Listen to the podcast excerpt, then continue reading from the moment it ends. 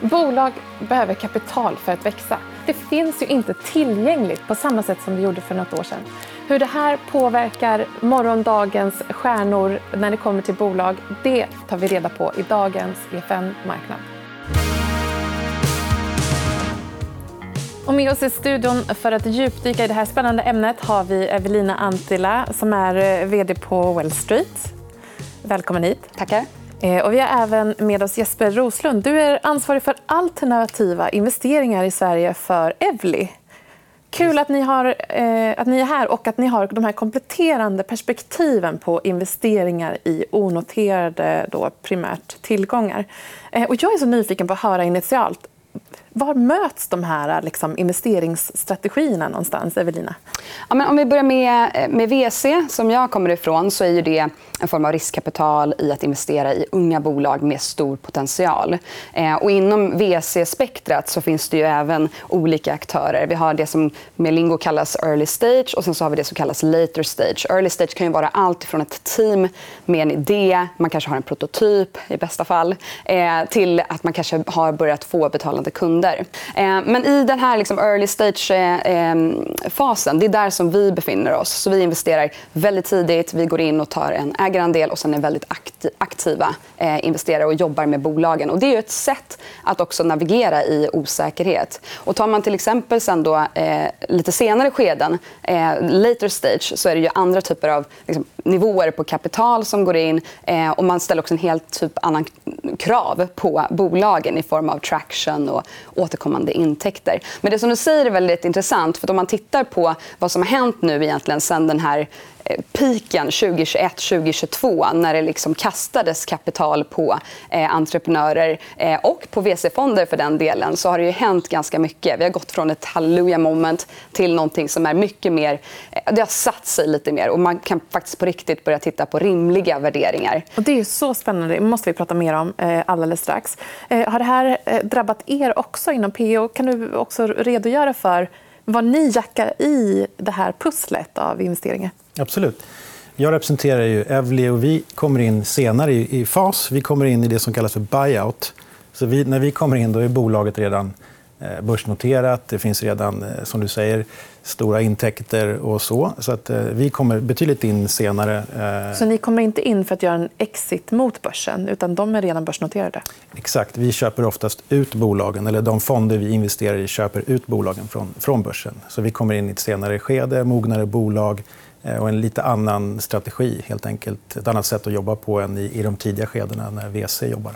Sen är vi bra kompisar i form av att PE är en naturlig exitpartner för oss och våra bolag. Mm. Mm. Men då, då, blir jag ju så nyfiken. Jag kan tänka mig att många som tittar på det här undrar vad för typ av bolag kan jag förvänta mig en exit? För Det kanske man kan göra en bra affär på. Att ni köper då ett bolag som man har investerat i med sina besparingar. Ja, nej men absolut. Så är det. ju. Så det vi försöker göra är ju precis som du säger, saxa i. När VC gör exit så vill buyout ofta komma in och titta på de bolagen. Men det finns ett, vi glömde ett segment emellan där. Det finns P-fonder som jobbar inom growth. Mm. För att när, när ni klarar ofta med era bolag så vill ju eh, bolagen växa. De har fått in sina första en, två runder och vill växa snabbt och kanske in på börsen. Och det är ett liksom mellansteg. Så sen kommer buyout-fonderna in och tittar på kanske de bolag som liksom har börjat växa och kommit in på börsen. Så det, är en, det är lite olika steg i den här, mm. i den här eh, liksom utvecklingen i bolagets fas. Men det, är jätteintressant och det, det kommer finnas mycket, mycket intressanta möjligheter som skapas nu när eh, liksom makrosidan ser ut som den gör. För ni sitter på mycket pengar, tänker jag.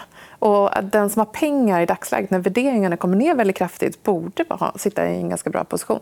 Exakt, du har rätt. Det är precis så det kommer att bli. Jag tror det kommer att skapas mycket tillfällen för de som har likvida eh, medel. Och tittar vi på just buyout-sidan så finns det enormt mycket som vi kallar torrt krut. Eh, många av de fonder som har rest pengar har inte deployat dem tillnärmelsevis fullt ut. så Det finns mycket pengar som ska investeras kommande åren eh, som redan är resta, vilket är viktigt att säga. Så att det, det finns mycket kraft i PE nu kommande åren. Evelina, det är dyrt att låna just nu, eh, vilket är en viktig, liksom, ett smörjmedel för de här initiala bolagen att få växa. Eh, hur har det här påverkat liksom, eh, din, eh, ditt segment av investeringar? Ja, nej men, och I de vatten där vi rör oss i, så skulle jag, alltså, precis som du var inne på, det är också fantastiska möjligheter som dyker upp i den här typen av eh, eh, miljöer. Om vi tittar på de stora bolagen som vi har idag, till exempel Spotify, så var ju det just i en sån här eh, lågkonjunktur, eller vad man ska kalla det, eh, som de uppstod. Så det, jag, och det var jag inne på tidigare. Det som jag tycker ändå är bra med det som har hänt i form av att värderingarna har kommit ner, vi börjar prata liksom mer sansat. Det gör ju också att vi har kunnat hitta, eh, inte bara bolag utan också entreprenörer som är mer resilienta eh, och hittar en affärsmodell som är mycket mer hållbar. Eh, och det är inte bara tillväxt, tillväxt eh, till vilket pris som helst. Och vi har en graf här för att visa liksom, på hur mycket som investeras i tidigt skede över tid. Vad är det, vad är det här för förutsättningar för liksom, på sikt? Jag tänker Många som tittar på det här programmet till exempel är intresserade av när bolag närmar sig börsen eller kunna investera själva. Mm. Nej, men det som vi ser är det som vi har varit inne lite på i form av att vi hade piken eh, 2021-2022. Eh, sen dess har det, eh, ja, eh, har det gått ner och vi börjar se att eh, många fondbolag jobbar närmare med sina portföljbolag i att se till att säkra deras eh, runway så att de orkar längre. Eh, det har varit mindre deals, aktivitet som vi ser här. och det är bland annat på grund av det. skulle jag säga. Det ser ut som ett nytt normalläge egentligen egentligen snarare mm. än att eh, trenden inte var ihållande. Ja, och så här, man får ta spåkulan nästan. Men jag skulle ändå se, eller gissa att nu börjar vi ändå titta framåt och att det börjar hända lite mer. För som du var inne på, det finns många fonder som har torrt krut och det ska ju deployas. Mm. Och deployas det innebär att man ska investera i det och hitta de där bolagen och köpa. Exakt. Jag tänker de här servettkontrakten liksom, som skrivs på tidiga värderingar på spännande AI-idéer. Eh, är här, ser ni att det här är det som vi kommer att investera i åren framåt?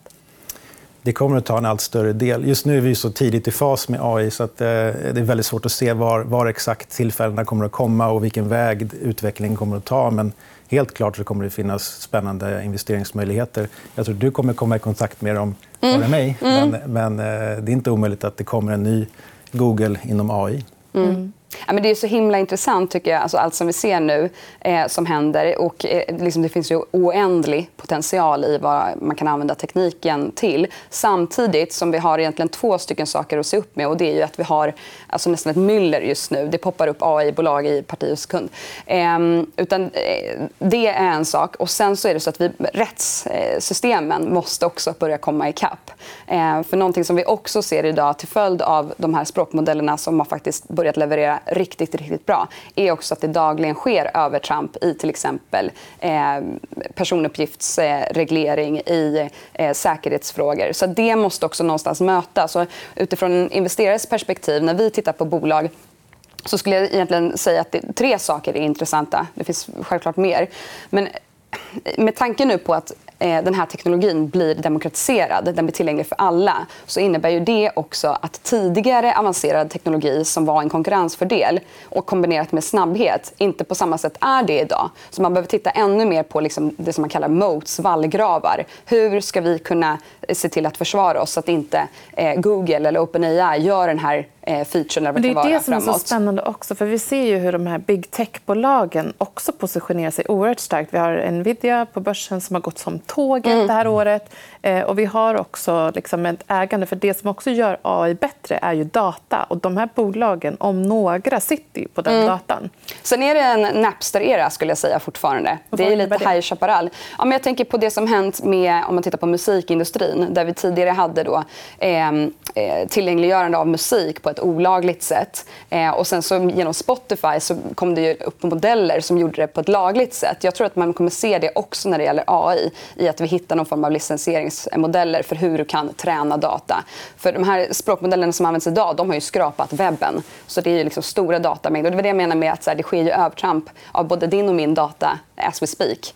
Ehm, eh, men det, det, de andra två delarna som jag tänkte nämna det var också just data i form av att jag tror att det kan bli en mot att titta på proprietär data. Ehm, och det är ju någonting som jag tror att storbolagen kommer ha en jätteintressant stor fördel när man börjar använda AI. Inte bara för då just sin egen data men utan för att man har faktiskt produkter, existerande produkter som man kan börja använda AI på. Ehm, och, och, man har kapital, man har resurser. så jag tror faktiskt att det... Egentligen ett ganska bra bett att, eh, att bibehålla en portfölj mot de här bolagen? Då? Ja, men jag tror att det finns så otroligt mycket värde att hämta i just storbolagen. Mm. Eh, för där finns processer eh, som man kan effektivisera med AI. Eh, och det, för, för mig är det intressant snarare än att man hittar en ny liksom, feature på ChatGPT. Eh, så att, det skulle jag verkligen eh, säga kommer vara liksom, intressanta eh, eventuella vinnare i det här. Mm. Och sen det tredje som jag eh, tänkte komma in på det är att gå bak till där man börjar som en investerare. Vad är det för problem ni löser? Eh, och hur eh, ska ni göra det på bästa sätt framåt? Du investerar ju som sagt i tidigare eller senare skede. Där har vi också väldigt spännande siffror på hur PE har levererat över tid. Vi har en graf på det också. Mm. Vill du kommentera? Ja, eh, vi har några olika grafer. Den första grafen här som jag vill prata lite om det är den här när man adderar in alternativa investeringar i en portfölj eh, som tidigare innehöll bara aktier och räntor. Eh, och det har ju fungerat fantastiskt bra fram till egentligen förra året. Så det har varit en, en rätt portfölj så att, säga, att ha. Det var både låga räntor, det var en aktiemarknad som tuffade på. Eh, och det gjorde att både räntedelen och aktiedelen gick fantastiskt bra. Så den diversifieringen har varit liksom 60-40? Då, i... Den har varit 60-40 tidigare. Det, har väl varit liksom, det är så institutionella placerare förenklat har, har haft sina portföljer. Det vi menar nu är att det är en helt annan makrobild som kommer att måla upp sig framåt. Vi tror inte att vi kommer att ha några nya experiment med långvariga nollräntor. Så vi tror att börsen kommer att vara lite trögare. Inte dålig, men lite trögare än vad den har varit. Det innebär att du måste jobba mer aktivt med din portfölj och lägga in alternativa investeringar för att kunna nå liknande avkastning som du haft de tidigare åren. Hur kan man då ta rygg på när de här institutionella investerarna förändrar sin investeringsstrategi? Ja, det är inte så lätt. Det finns inte så mycket som småsparare och, och ja, investerar idag i alternativa investeringar i små tickets. Det är ju lätt att hitta eh, förstås alternativ för stora institutioner. Eh, och så där. Så att det vi vill göra är liksom att föra in den här möjligheten att spara i alternativa för småsparare och eh, family office och eh, private banking-kunder. Och så där. Mm. Så det är det vi jobbar med. Så vi, vi säger att ungefär 30% av en portfölj bör bör man ha i alternativa investeringar nu för att kunna motverka det som eh, vi tror kommer att hända framåt. Här nu, så att man får en riskjusterad god avkastning eh, kommande åren. Det är, egentligen det som den här första grafen eh, vill visa. Mm. Eh, om vi då tittar på PS avkastning. Eh, en eh, IRR på 16,7 mm. per år 2005 2018. Det har hänt ganska mycket därefter. Ja. Eh, varför man inte kan ha en, en tidslinjal som går längre fram än 2018 är för att de vintageåren inte liksom, eh, de fonderna har inte verkat ut och gjort klart sin investeringsstrategi. Så där, eh, har vi kom... några indikationer? Alltså, vi kan se att den här kurvan den, den är jättefin så som den har varit. Vi ser att PE är den bästa tillgångsklassen inom alternativa. Vi ser att de andra tillgångsklasserna ligger rätt stabilt mellan 10 och 15% över tid. Men helt klart är ju att eh, PE har haft några av sina bästa år. Som jag sa, då, eh, dels drivet av den här lågräntemiljön som har varit eh, och alla stimulanspaket och så vidare. Priset på pengar.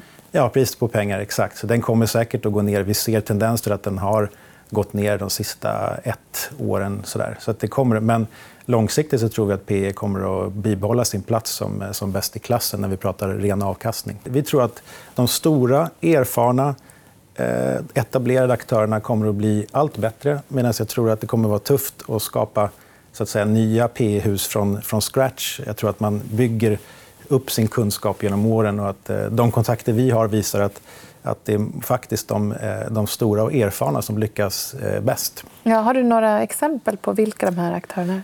Ja, de största i världen är ju eh, Apollo, KKR, Blackstone, Blackrock och så vidare. Och de är ju jättestora och har ju fonder inom alla, och i Sverige, inom alla delar.